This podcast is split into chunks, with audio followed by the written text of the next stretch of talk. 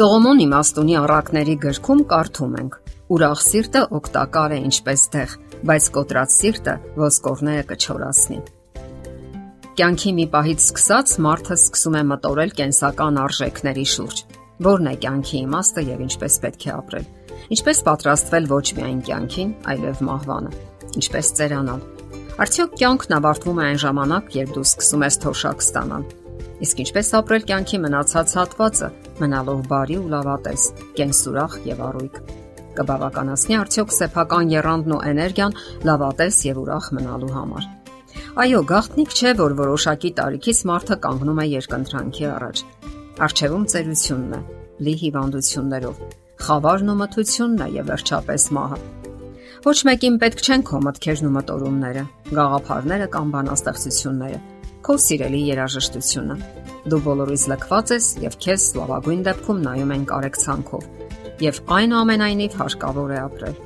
Ամենից առաջ հարկավոր է հաշտվել այն մտքի հետ, որ մենք բոլորս մահկանացու ենք եւ մահն անխուսափելի է։ Դրանից հետո արդեն կյանքը ապրելը բավականին հեշտանում է։ Պարզապես հարկավոր է ճիշտ օգտագործել կյանքի մնացած հատվածը։ Դրանք օգնի իրատեսական լավատեսությունը, որն ընտրություն է եւ դուք կարող եք ընտրել լավատեսությունը եւ այնպես անել, որ ոչ ոք այն չխլի ձեզանից։ Եթե դուք հարուստ չեք, գուցե ունեք հարազատներ, ունեք կյանքի բավականաչափ ուրախություններ։ Լավատեսությունը հատուկ է ուրախ սրտին։ Ինչ եք մտածում, երբ տեսնում եք կիսով չափ ջրով լցված բաժակը։ Այն կիսով չափ լիքն է, թե կիսով չափ դատարկ։ Դրանից էլ կախված է ձեր ողջ հետագա ընթացքը։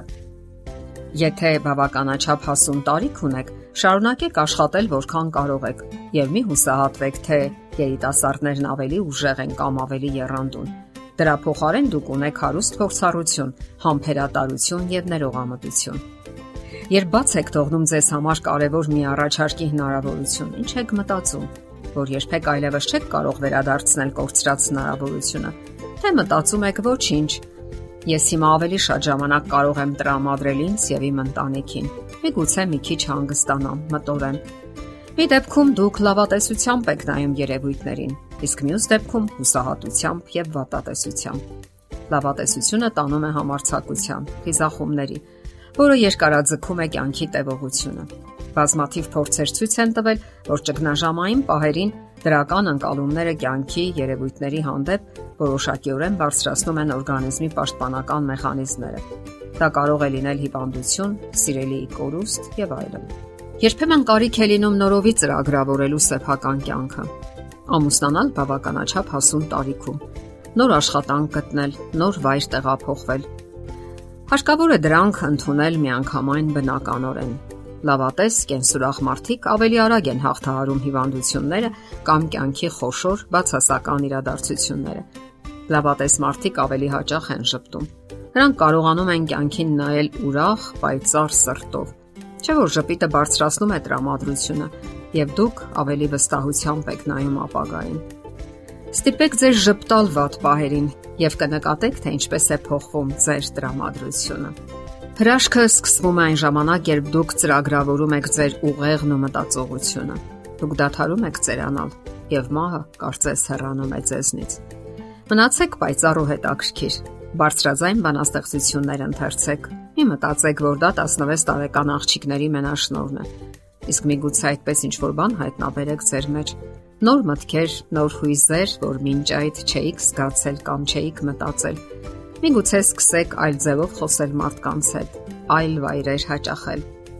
Այժմ, երբ դուք բավականաչափ փոփոխություններ եք կատարել ձեր կյանքում, հանկարծ մի նոր աշխարհ եք հայտնաբերում ձեր շուրջ բոլորը։ Դուք մի կողմ եք նետում նախքին ձանձրալի մի ապաղաղ ու անհետաքրքիր գործերն ու սովորությունները, եւ այդպես ավելացնում եք ձեր կյանքի տարիների թիվը եւ մնացածն ավելի հետաքրքիր է լինում ապրելը ավելի հաճախ փորձեք շփվել ինքներդ ձեզ հետ։ Արդյոք դուք լավ եք ճանաչում այն անznավորությունը, որ միշտ ձեզ հետ է ձեր կողքին։ Միգուցե դադարել եք արդեն սիրել ձեզ, նույնիսկ հարգել։ Մարդը տարիքի հետ պետք է ավելի շատ հասկանա իրեն ու նաև շրջապատող աշխարհը։ Եվ ամենակարևորը՝ ճպտացեք։ Այստեղից շատ բան է սկսվում։ Իսկ դուք գիտեք, որ գեղեցիկ ժպիտը ավելի մեծ հմայք ունի, քան որակյալ դիմահարդարումը։ Հետազոտությունների արդյունքում ողջվել է, որ տղամարդկանց ճնշող մեծամասնությունը գրավիչ է համարել այն կանանց, ովքեր ժպտացել են, եւ ոչ թե նրանց, ովքեր դիմահարդարել են իրենց լավագույն ոճաբանի մոտ։ Իսկ սա կարող են գերազանց հիշել կանայք տղամարդկանց հետ իրենց փոխհարաբերություններում։ Ասենք որ տղամարդկանց էլ չէր խանգարի հիշել, որ գեղեցիկ, բարյացակամ ժպիտով մարդիկ միշտ ավելիին են հասնում իրենց ծառայության մեջ, քան նրանք, որոնց դեմքը մշտական դժգոհություն, անտարբերություն ու անբավարարվածություն է արտահայտում։ Դե ի՞նչ, ապրեք ձեր կյանքը լավատես եւ ուրախ սրտով։ Եթերում առողջ ապրելակերպ հաղորդաշարն է։ Հարցերի եւ առաջարկությունների համար զանգահարել 033 87 87 87 հեռախոսահամարով։